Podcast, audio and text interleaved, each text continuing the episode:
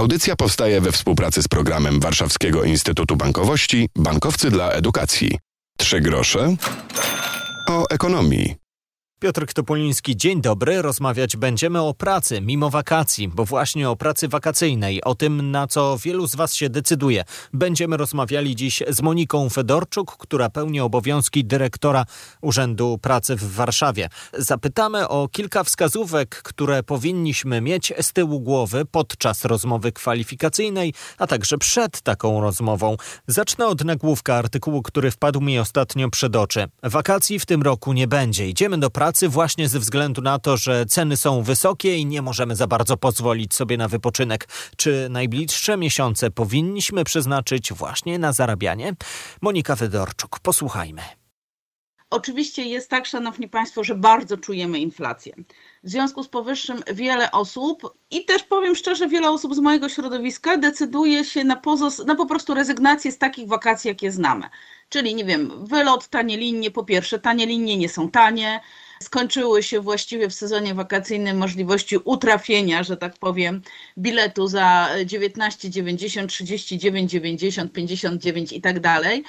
Podrożała benzyna, w związku z powyższym podrożały wszystkie środki transportu podrożało właściwie w całej Europie noclegi. W związku z powyższym najnormalniej w świecie część ludzi decyduje się albo odnowić znajomości z babcią, ciocią na wsi e, wszelkiego rodzaju do łask wracają agroturystyki, a część osób po prostu otwarcie mówi, biorę urlop, tak jak mam grusze w pracy, biorę grusze, spędzam to na własnej działce albo we własnym ogródku, albo korzystam ze wszystkich miejskich wakacji. To być może jedyne takie doświadczenie w moim życiu.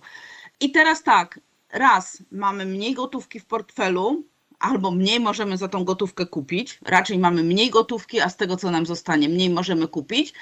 A więc faktycznie dla części osób wakacji takich, jakich znamy, po prostu nie będzie. A na ile rozglądamy się za pracą tak jak 10 lat temu, choćby w restauracjach albo przy zbieraniu owoców, bo słychać głosy ze strony hotelarzy, że wciąż jest trudno znaleźć pracownika. Ja pozwolę się odnieść do y, mojej sytuacji, jak ja wchodziłam na rynek pracy, a było to 20 lat temu. Wtedy była zupełnie inna sytuacja. W tej chwili mamy inną sytuację. Przede wszystkim ja zawsze mówię, że przy tym, jakiej pracy szukamy, bierzemy pod uwagę własną sytuację rodzinną, zawodową, finansową. Czy to jest tak, że wakacje to jest jedyne dwa miesiące, gdzie możemy zarobić pieniądze, które nam muszą wystarczyć potem na pół roku, i wtedy, krótko mówiąc, podstawowym kryterium to jest to, żeby zarobić jak najwięcej, czyli szukamy roboty na noc, być może z elementem fizycznym i tak dalej, i tak dalej. Czy traktujemy wakacje, że po prostu pracujemy w tym miejscu pracy, w którym pracowaliśmy, czy po prostu to jest czas, kiedy chcemy zdobyć nowe doświadczenia. I teraz w tych trzech przypadkach oczywiście są kompletnie różne strategie. Bo jeżeli stawiamy na doświadczenie, to też często godzimy się na to, że będziemy zarabiać mniej niż nasi koledzy. Niewątpliwie jest tak, że szanowni Państwo, jak moje pokolenie pracowało na studiach, to myśmy pracowali dość fantazyjnie dla Państwa pokolenia prawdopodobnie. Znaczy, my właśnie braliśmy robotę w restauracjach, hotelach, przy sprzątaniu, pilnowaniu itd. Tak itd. Tak w tej chwili po pierwsze to jest tak, że Państwo jako studenci mają w tej chwili inne możliwości, bo po prostu zmienił się rynek pracy jest sporo miejsc pracy takich, y, które są otwarte na studentów na wakacyjne i są to prace specjalistyczne. Ktoś wyjeżdża na urlop, jest, nie wiem, rotacja pracowników, chętnie pracodawcy chcą zatrudnić studenta, który być może jeszcze nie samodzielnie, ale będzie wykonywał pewne prace specjalistyczne. Bogiem a prawdą to też powiem uczciwie, że jakby oczekiwania studentów dotyczącego wynagrodzenia wzrosły przez te 20 lat. My braliśmy wszystko za najniższą krajową. W tej chwili studenci ze względu na sytuację na rynku pracy mają możliwość negocjowania stawek. Z reguły nie są to minimalne stawki i z reguły nie jest to tak, że biorą każdą robotę.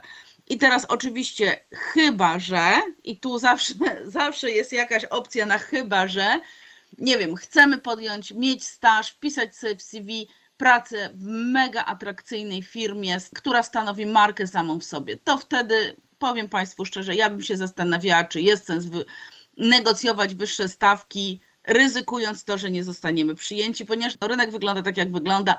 Firmy też sobie zdają sprawę, które są liderami w branży. A w audycji Monika Fedorczuk z Urzędu Pracy Miasta Stołecznego Warszawy dziś z wieloma poradami, jeśli chodzi o pracę wakacyjną. Czego szukać i jak się przygotować do rozmowy kwalifikacyjnej? O tym teraz. Zadajmy również pytanie, na które trudno wielu z nas odpowiedzieć. Ile chce pan, pani zarabiać? I tu się pojawia cisza. Czy powinniśmy umieć odpowiedzieć na to pytanie? No i jak odpowiedzieć? Miliony? Każdy, szanowni państwo, z reguły y, w pierwszej, drugiej pracy tych milionów nie zarobimy, ale oczywiście trzymam za państwa kciuki. To, co jest bardzo ważne, to jest to, żeby wiedzieć, gdzie my aplikujemy. Ja też mam to doświadczenie szukania pracy, kiedy wysyła się, prawda, setki CV albo dużo CV, nagle dzwoni telefon, proszę przyjść na rozmowę jutro. I to jest ten czas, kiedy sobie należy przypomnieć, gdzie my wysłaliśmy to CV, kto nas zaprasza, na jakie stanowisko aplikujemy. Oczywiście wśród rekruterów krążą opowieści pod tytułem, jak gość przychodzi i pyta się, przepraszam, a w jakiej ja firmie jestem.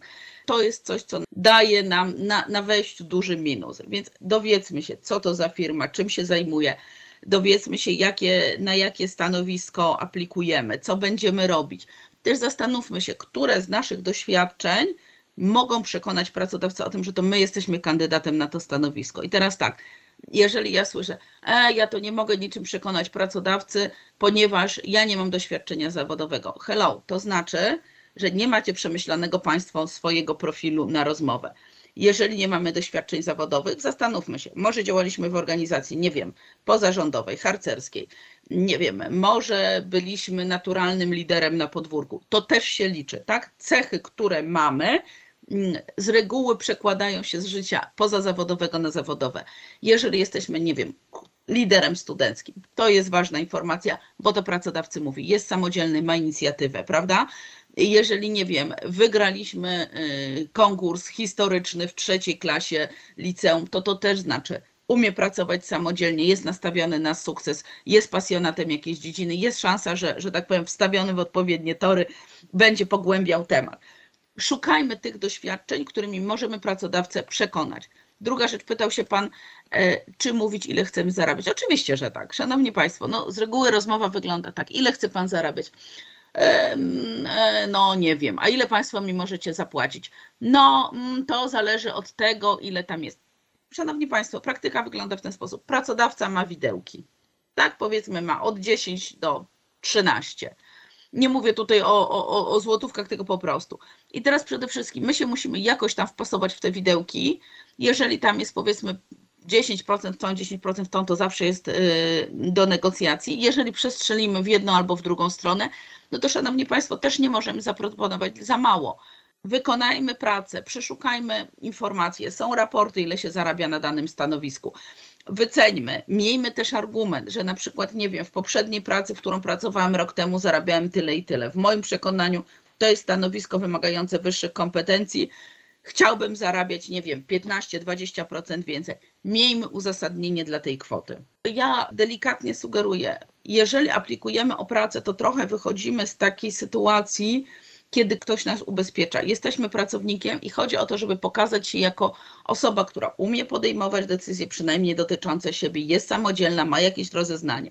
Jeżeli przychodzimy na takie na taką rozmowę trochę jak dziecko we mgle, nie wiem, no nie wiem, no co pani uważa, ile państwo dadzą, tararara, tararara, to przyjdzie ktoś, kto będzie rozmawiał konkretnie i on tym wygrywa. W audycji dzisiaj Monika Fedorczyk, pełniąca obowiązki dyrektora Urzędu Pracy Miasta Stołecznego Warszawy. Było dzisiaj między innymi o przygotowaniu do rozmowy kwalifikacyjnej i o tym, że powinniśmy wybrać pracę zgodnie z własnymi oczekiwaniami i przemyśleniami dotyczącymi tego, na co się decydujemy w najbliższych miesiącach. Czy decydujemy się na szybki zarobek dużej ilości pieniędzy, byśmy mogli choćby utrzymać się przez kilka kolejnych miesięcy podczas studiów, czy może już myślimy o naszej ścieżce zawodowej i próbujemy to połączyć e, na przykład ze wspomnianymi już studiami. Na koniec jeszcze audycji zajrzyjmy do ofert pracy, bo regularnie pojawiają się artykuły zaczynające się od tego. Pracodawcy szukają specjalistów i mówią, że brakuje im tylu a tylu e, pracowników. E, gdzie robota jest? Posłuchajmy. Środowisko informatyków oszacowało, że brakuje nam 50 tysięcy informatyków. I teraz oczywiście proste rozwiązanie, tak, ponieważ nam brakuje 15-50 tysięcy informatyków, idźmy na prosty kurs programowania i te miliony, o których tam mowa w mediach, ile to informatycy zarabiają i jaką mają świetną pracę, staną się naszym udziałem. Otóż oczywiście, Szanowni Państwo, od razu przestrzegam, środowisko informatyków mówi hello, nam nie potrzeba ludzi po trzytygodniowym kursie programowania, nam potrzeba specjalistów baz danych, te wszystkie big data i tak dalej, i tak dalej. Jak programowanie to na trochę innym poziomie, bo my te proste programowanie to już sobie robimy maszynowo i tak dalej, i tak dalej. Zawsze jak słyszycie taki komunikat gigantyczny, zostań informatykiem, to dopytajcie się o co chodzi, tak? Zanim wydacie własne pieniądze, zużyjecie własny czas, zawsze mówię spokojnie. Oczywiście ja jestem za tym, żeby sięgać po więcej, kształcić się, kształcić się przez całe życie, doświadczać jak najwięcej, natomiast nie dajmy się zwieść ulotce, zostań informatykiem, zarabię 15 tysięcy miesięcznie po trzytygodniowym kursie programowania dwie godziny dziennie. Nie, to nie. To raczej nie pójdzie, aczkolwiek Państwu życzę. Oczywiście brakuje nam informatyków, brakuje nam tak zwanego białego personelu. Ktoś z Państwa jest po studiach medycznych? Zanim z osoby po psychologii zrobimy lekarza, to jest 6 lat plus staż i tak dalej, to też nie jest takie proste. To są duże zmiany systemowe. Część rzeczy, zanim ktoś z nas zostanie lekarzem czy pielęgniarką, raczej jak już jesteśmy zaawansowani w studiach, są małe szanse. E, farmaceutą też raczej nie. To są trudne, ciężkie studia, tak, no, wymagające. To, to są studia, gdzie się raczej nie pracuje w czasie studiów. Jeżeli chodzi o takie rzeczy, kogo nam brakuje? Szanowni Państwo, nam brakuje średniego personelu technicznego. I to oczywiście pytanie, czy ktoś z Państwa chciałby pójść w tej chwili, mając studia, mając pewne aspiracje, do fabryki, żeby pracować przy urządzeniu technicznym. Zawsze te osoby, które mówią, mówią mi Monika, słuchaj, ty zadam sobie pytanie, kto z nas jest bardziej techniczny? Czy asystentka, która pisze pisma, wysyła, mailuje i tak dalej, czy mój pracownik e, po technikum, który podchodzi do maszyny, wpisuje sobie tam na klawiaturce kod i, i przychodzi bez mała w garniturze, chociaż nikt od tego nie wymaga. Oczywiście, Szanowni Państwo, ta różnica między tym, co jest pracą tak zwanych białych kołnierzyków, a niebieskich kołnierzyków się zaciera. Niemniej jednak to, na co narzekają pracodawcy, to jest brak średniego personelu technicznego i, Szanowni Państwo, brak rzemieślników. Czy to jest dla Państwa dobra informacja? Wydaje mi się, że nie, bo Państwo kończą studia, a więc aspirują też do innych stanowisk, do innych prac, też umówmy się do innego stylu życia. Mówi Monika Fedorczuk, ekspertka rynku pracy pełniąca obowiązki dyrektora Urzędu Pracy Miasta Stołecznego Warszawy. Dziękujemy za te wszystkie wskazówki. Dodam tylko, że mogliśmy porozmawiać przy okazji ostatniego klubu liderów studenckich.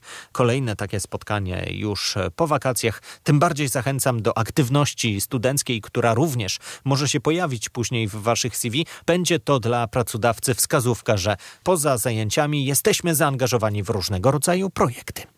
Piotr Topoliński, do usłyszenia. Na sam koniec jeszcze przypomnę trzy grosze o ekonomii. Tak nazywa się podcast, który znajdziecie w waszych ulubionych aplikacjach z audycjami. Zachęcam do śledzenia i słuchania, tym bardziej, że tematy związane choćby z inflacją w ostatnim czasie w naszej audycji się pojawiały. Niestety jest to wciąż temat na czasie.